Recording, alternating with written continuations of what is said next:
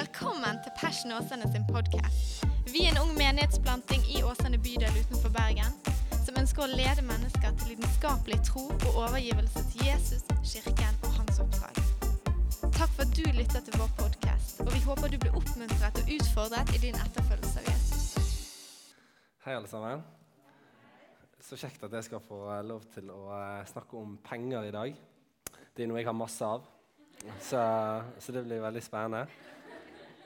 Eh, når jeg eh, fikk spørsmål av Daniel om jeg kunne eh, tale, så var det første jeg tenkte, det var litt sånn eh, Er jeg egnet til å tale foran dere?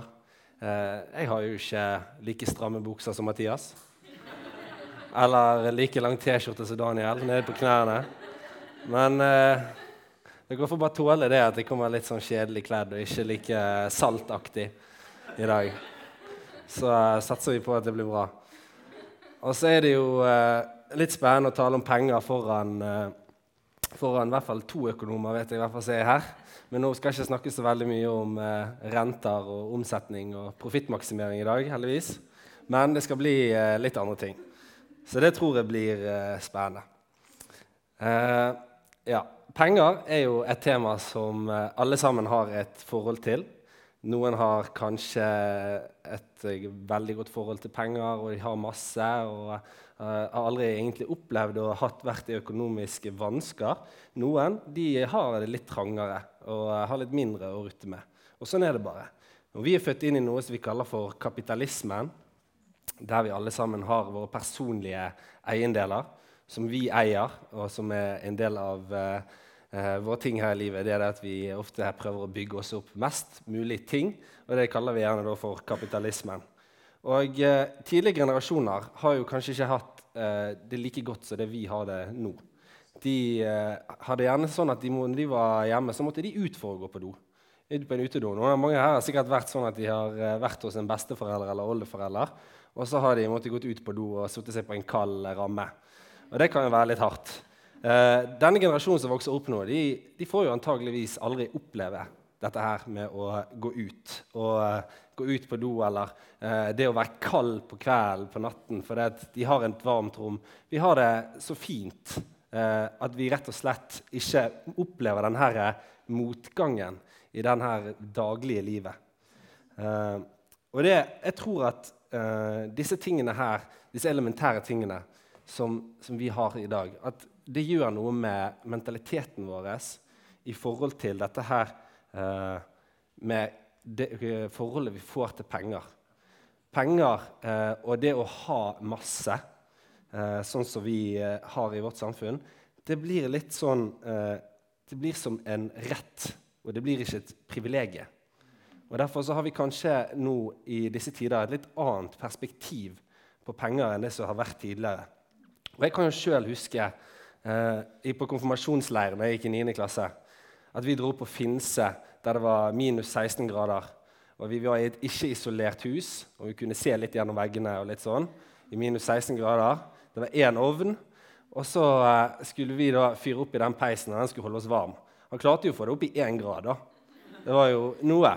Og Da fikk jeg oppleve litt av denne motgangen. Kanskje dette er sånn som de har hatt det før i tiden. At det var normalt, at de rett og slett måtte klynge seg sammen for å holde varmen og for å, rett og slett bare det å ha det godt. Eh, og Sønnen til Elisabeth og Lars Tore han skrev en stil om dette. her. Og Han, eh, han fikk jo toppkarakter. Eh, det men det var jo veldig spesielt, for vi har aldri, aldri opplevd å, eh, det å ha mangel på disse elementære behovene våre, sånn som vi gjorde da. Eh, og det var, det var, jo veldig spesielt for oss. For vi, vi var jo vokst opp i varme, varme hus der vi hadde det fint. Um, og, men denne, eh, det at vi alltid har disse her eh, primærbehovene våre dekket, tror jeg gjør noe med mentaliteten vår eh, i forhold til penger. At vi eh, rett og slett eh, baserer mer av vår personlige verdi. Det blir basert på hvor mye ting du har, hvor godt du har det, og hvor mange siffer du gjerne har på bankkontoen din. Eh, gjerne ting som er med å vurdere din suksess og din verdi her i livet. Um, og Det skal jeg snakke litt om i dag. Eh, hvordan verdien eh, har forandret seg litt i samfunnet vårt. Det er gått fra at vi kanskje har en verdien vår som har vært mer konstant, at nå er mer variabel. Um, ja. Og i dette her så har jo den personlige lykken eh, er jo det som er det store. Sant? Alle sammen skal søke sin personlige lykke i samfunnet. Alle sammen skal eh, få liksom, muligheten til å, å, få alle sine primærbehov møtt. Og så i tillegg til det så skal de da bare alltid gjøre det som er best for de, akkurat der og da gjerne. Og dette her har blitt en veldig del av vår kultur.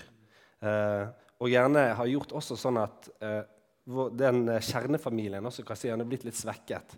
For Hvis ikke du har det bra med partneren din akkurat der og da, så kanskje du skal gå videre. ikke sant? Og så blir det en veldig sånn usunn mentalitet i forhold til dette her eh, med, med, familie og verdier sånn generelt. Ja. Og Jeg tror at dette her har jo ført til at vi i vårt samfunn nå opplever at mennesker er mer ensomme. Eh, mennesker de har, de har, det verre. Flere som opplever depresjon. Eh, og det er til tross for at primærbehovene deres er møtt. De har mat, de har drikke, de har varme, de har klær. De har alt dette. Likevel så er det tyngre til sinns i de fleste mennesker nå enn det det var før. Og det syns jeg er veldig interessant. Eh, så, og dette skal jeg komme mer tilbake til seinere. Men denne kulturen her med personlig vinning og liksom personlig suksess det er noe som bryter med vår tro og gjerne det kristne prinsipper. ikke sant? Hvor eh, penger er tenkt til å brukes eh, som en ressurs til å bygge ut Guds rike. Og ikke noe som eh, du skal være med å bygge opp dine egne skatter. Eh, for det at Gud skapte oss til fellesskap med Han. Eh, og når Han skapte oss til fellesskap med Han, så var jo det eh, da at vi skal bruke våre penger på at flere mennesker skal få lov til å møte Gud og skal få lov til å bli kjent med Han. Og denne kulturen som vi har, der vi bruker penger for å øke vår egen status og for å hele tiden eh, få mer, den bryter med det. Ja. Og så eh, har jeg lyst til å lese fra Matteus 6. 19-21, og, og, så hopper jeg litt til 24-26. Så jeg bare leser der. jeg. Dere skal ikke samle skatter på jorden, hvor møll og mark ødelegger, og hvor tyver bryter inn og stjeler. Men dere skal samle skatter i himmelen, der verken møll eller mark ødelegger, og tyver ikke bryter inn og stjeler. For der skatten din er, vil også hjertet ditt være. Ingen kan tjene to herrer. Nå hopper jeg til 24. Han vil hate den ene og elske den andre eller holde seg til den ene og forakte den andre. Dere kan ikke tjene både Gud og mammon. Derfor sier jeg dere, vær ikke bekymret for livet, hva dere skal spise, eller hva dere skal drikke. Heller ikke for kroppen. Hva, skal, eh, hva dere skal kle dere med. Er ikke livet mer enn maten og kroppen mer enn klærne? Se på fuglene under himmelen. De sår ikke, de høster ikke, og samler ikke i hus. Men den far dere har i himmelen, gir dem føde likevel. Er ikke dere mer verdt enn de? Eh, jeg tenkte bare jeg skulle beskrive dette Ordet mammon det er altså noe i Bibelen som er brukt for å beskrive jordlig eh, rikdom. Eh, så samle seg opp jordlig rikdom. Og, men det som er veldig interessant i dette, disse bibelversene, her, det er det at det står at der din skatt er, der vil også hjertet ditt være. Og Det er veldig mange steder vi kan ha skatten vår i livet. Eh, men for eksempel, så kan vi si det sånn at hvis jeg har min skatt til det at jeg er en god bordtennisspiller, eller f.eks. at jeg er mye bedre enn Mathias i shuffleboards, så vil min verdi da være basert på det, min evne til å gjennomføre de tingene. Og Når dagen kommer der Mathias på mirakuløst vis slår meg, så vil jo min verdi synke litt. ikke sant? For det, er det som jeg har satt min verdi i. Det er det at jeg er flink i denne tingen. Eh, og det samme gjelder for penger. Setter du din lit til penger, så er det sånn at pengene de, kommer, de, kommer, til å variere, de kanskje kommer til å komme og gå. Eh, og da kommer verdien din til å forandre seg basert på hvor mye penger du har. Hvis det er penger du har i hjertet. Um, og hvilken verdi er det da vi har lyst å dyrke frem i våre hjem, der vi er, i, i våre familier? Har vi lyst at jaget etter pengene skal kontrollere livet vårt, der all, alle, alle beslutningene våre tas på bakgrunn av penger? Eller vil vi at de skal være basert på gode kristne verdier, eh, som kjærlighet og raushet for andre? Ikke sant? Eh, og det er jo bare én måte å få dette til på. Og det er eh, ved at vi gir slipp på kontroll i eget liv. At vi, at vi, rett og slett gir over denne delen av livet vårt til Gud. Og det er kanskje en av de mest utfordrende tingene å gi over til Gud. Eh, Pga. pengene våre. Det er vår sikkerhet ofte. Vi har vår sikkerhet i Gud, og vi har vår, nei, beklager, vår sikkerhet i penger. Og at vi alltid har noe å falle tilbake på. Eh, mens Gud sier at vi skal ha vår sikkerhet i Han, og vi skal ha vår trygghet i Han. Eh, så Derfor så blir det veldig utfordrende. Eh, men dersom målet med livet ditt er å tjene mer penger, så gir du også da penger makten til å styre livet ditt. Og det tror jeg ikke er bra. Så har jeg hentet en del eh, sitater fra litt eh, kjente og mindre kjente personer eh, som beskriver penger. For jeg skulle se om jeg fant noe som, kom, eh, som passet overens med disse poengene som jeg eh, skal komme til. Og da eh, fant jeg en fra PT Barnum. Det er en sånn her type i, i USA som drev med sånn karneval og sånn. Han sier «Money is an excellent servant, but a terrible master». Seneca, en politiker og dramatiker på 85 etter Kristus, han sa It is not the man that has little, but the man that craves more, that is poor. Jonathan Swift sier a wise person, person should have money in their head, but not in their heart. Uh, wealth consists not in having great possessions, but in having few wants. Og så min personlige favoritt. Det kommer fra Benjamin Franklin, som levde på 1700-tallet i USA. Han hadde et veldig godt eh, quote, syns jeg. Money never made a man happy yet, nor will it. The more a man has, the more he wants. Instead of filling a vacuum, it makes one. Og Alle disse sitatene synes jeg var veldig, veldig, gode og veldig beskrivende. Og De er jo ikke nødvendigvis kristne, de som har sagt disse her uh, quotesene. Jeg tror flere av de var noe ikke det. Men uh, jeg synes det var veldig interessant, spesielt det siste som Benjamin Franklin sier. At i stedet for at penger fyller det tomrommet i livet ditt, som du håper skal fylles med, eh, med, nye og større og finere ting, så lager det faktisk et vakuum, et større hull, en større lengsel i livet ditt. Så det blir en sånn ond sirkel eh, der eh, søken etter penger eh, Og idet du får penger, så ønsker du bare mer penger. Så klarer du aldri å komme til målet som du ønsker. Så du kommer aldri til å være tilfreds med deg sjøl og tilfreds i den posisjonen du er i. Um, og det å gjøre, uh, gjøre, penger til herre i vårt liv Nei, vent, da. Nå hoppet jeg litt her, tror jeg. Uh, jo. Det å gjøre penger til herre i vårt liv det kan også skape en sånn uheldig dominoeffekt der uh, vi viderefører vår egen herre til våre barn og til andre folk som står oss nær, sånn at de også får penger som sin, som sin herre i sitt liv. Og det er veldig uheldig. I, i Lukas 18, 24, der leser vi et, et veldig utfordrende eh, bibelvers om dette. Og Jeg har bare lyst til å lese det høyt for dere. Et medlem av jødenes råd kom og spurte ham. Gode mester, hva skal jeg gjøre for å få det evige liv? Men Jesus sa til ham, hvorfor kaller du meg god? Bare én er god. Det er Gud. Du kjenner budene. Du skal ikke bryte ekteskapet. Du skal ikke slå i hjel. Du skal ikke stjele. Du skal ikke vitne falskt. Du skal hedre din far og din mor. Han svarte, Alt dette har jeg holdt fra da jeg var ung. Da Jesus hørte, han, hørte det, sa han, Det er én ting som mangler. Selg alt du eier, og del pengene ut til de fattige. Da skal du få en skatt i himmelen. Kom så og følg meg. Mannen ble meget bedrøvet da han hørte det, for han var svært rik. Da Jesus så det, sa han til ham, hvor vanskelig det er for dem som eier mye, å komme inn i Guds rike. Og Dette her er jo et utrolig utfordrende bibelvers å lese. ikke sant? Spesielt for oss i Vesten som har det så godt, eh, har så mye ting, og vi har det vi har i overflod, de aller fleste av oss.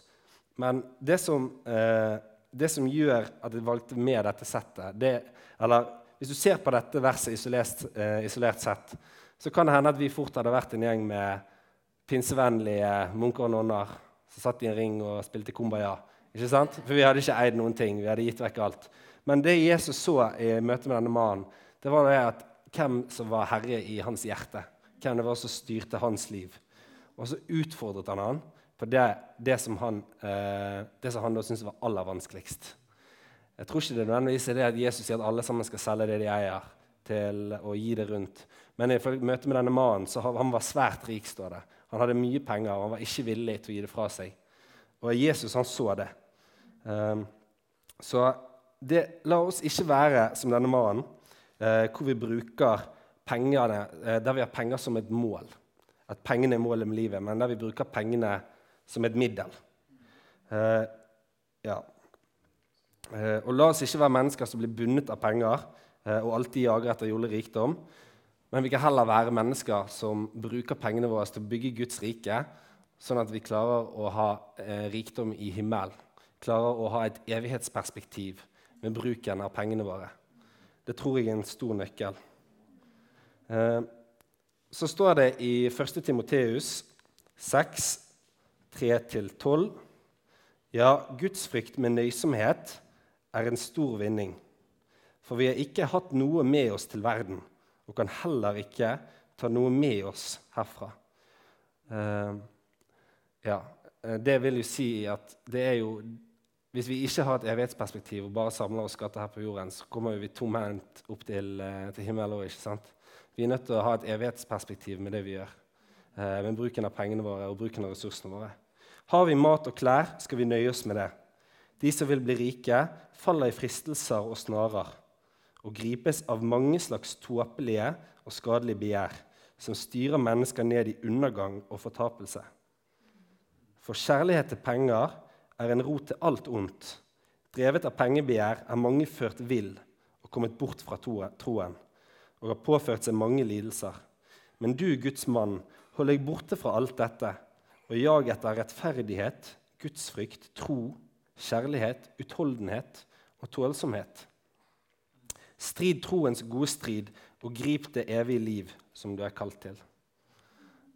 Det å ha et evighetsperspektiv eh, med vår bruk tror jeg også er utrolig utfordrende. Um, men det, som sagt, det kommer litt tilbake til dette her med å slippe litt kontroll på egne liv og la, la Gud få være uh, herre i livet vårt, i hjertene våre. At det er han som til syvende og sist tar beslutningene.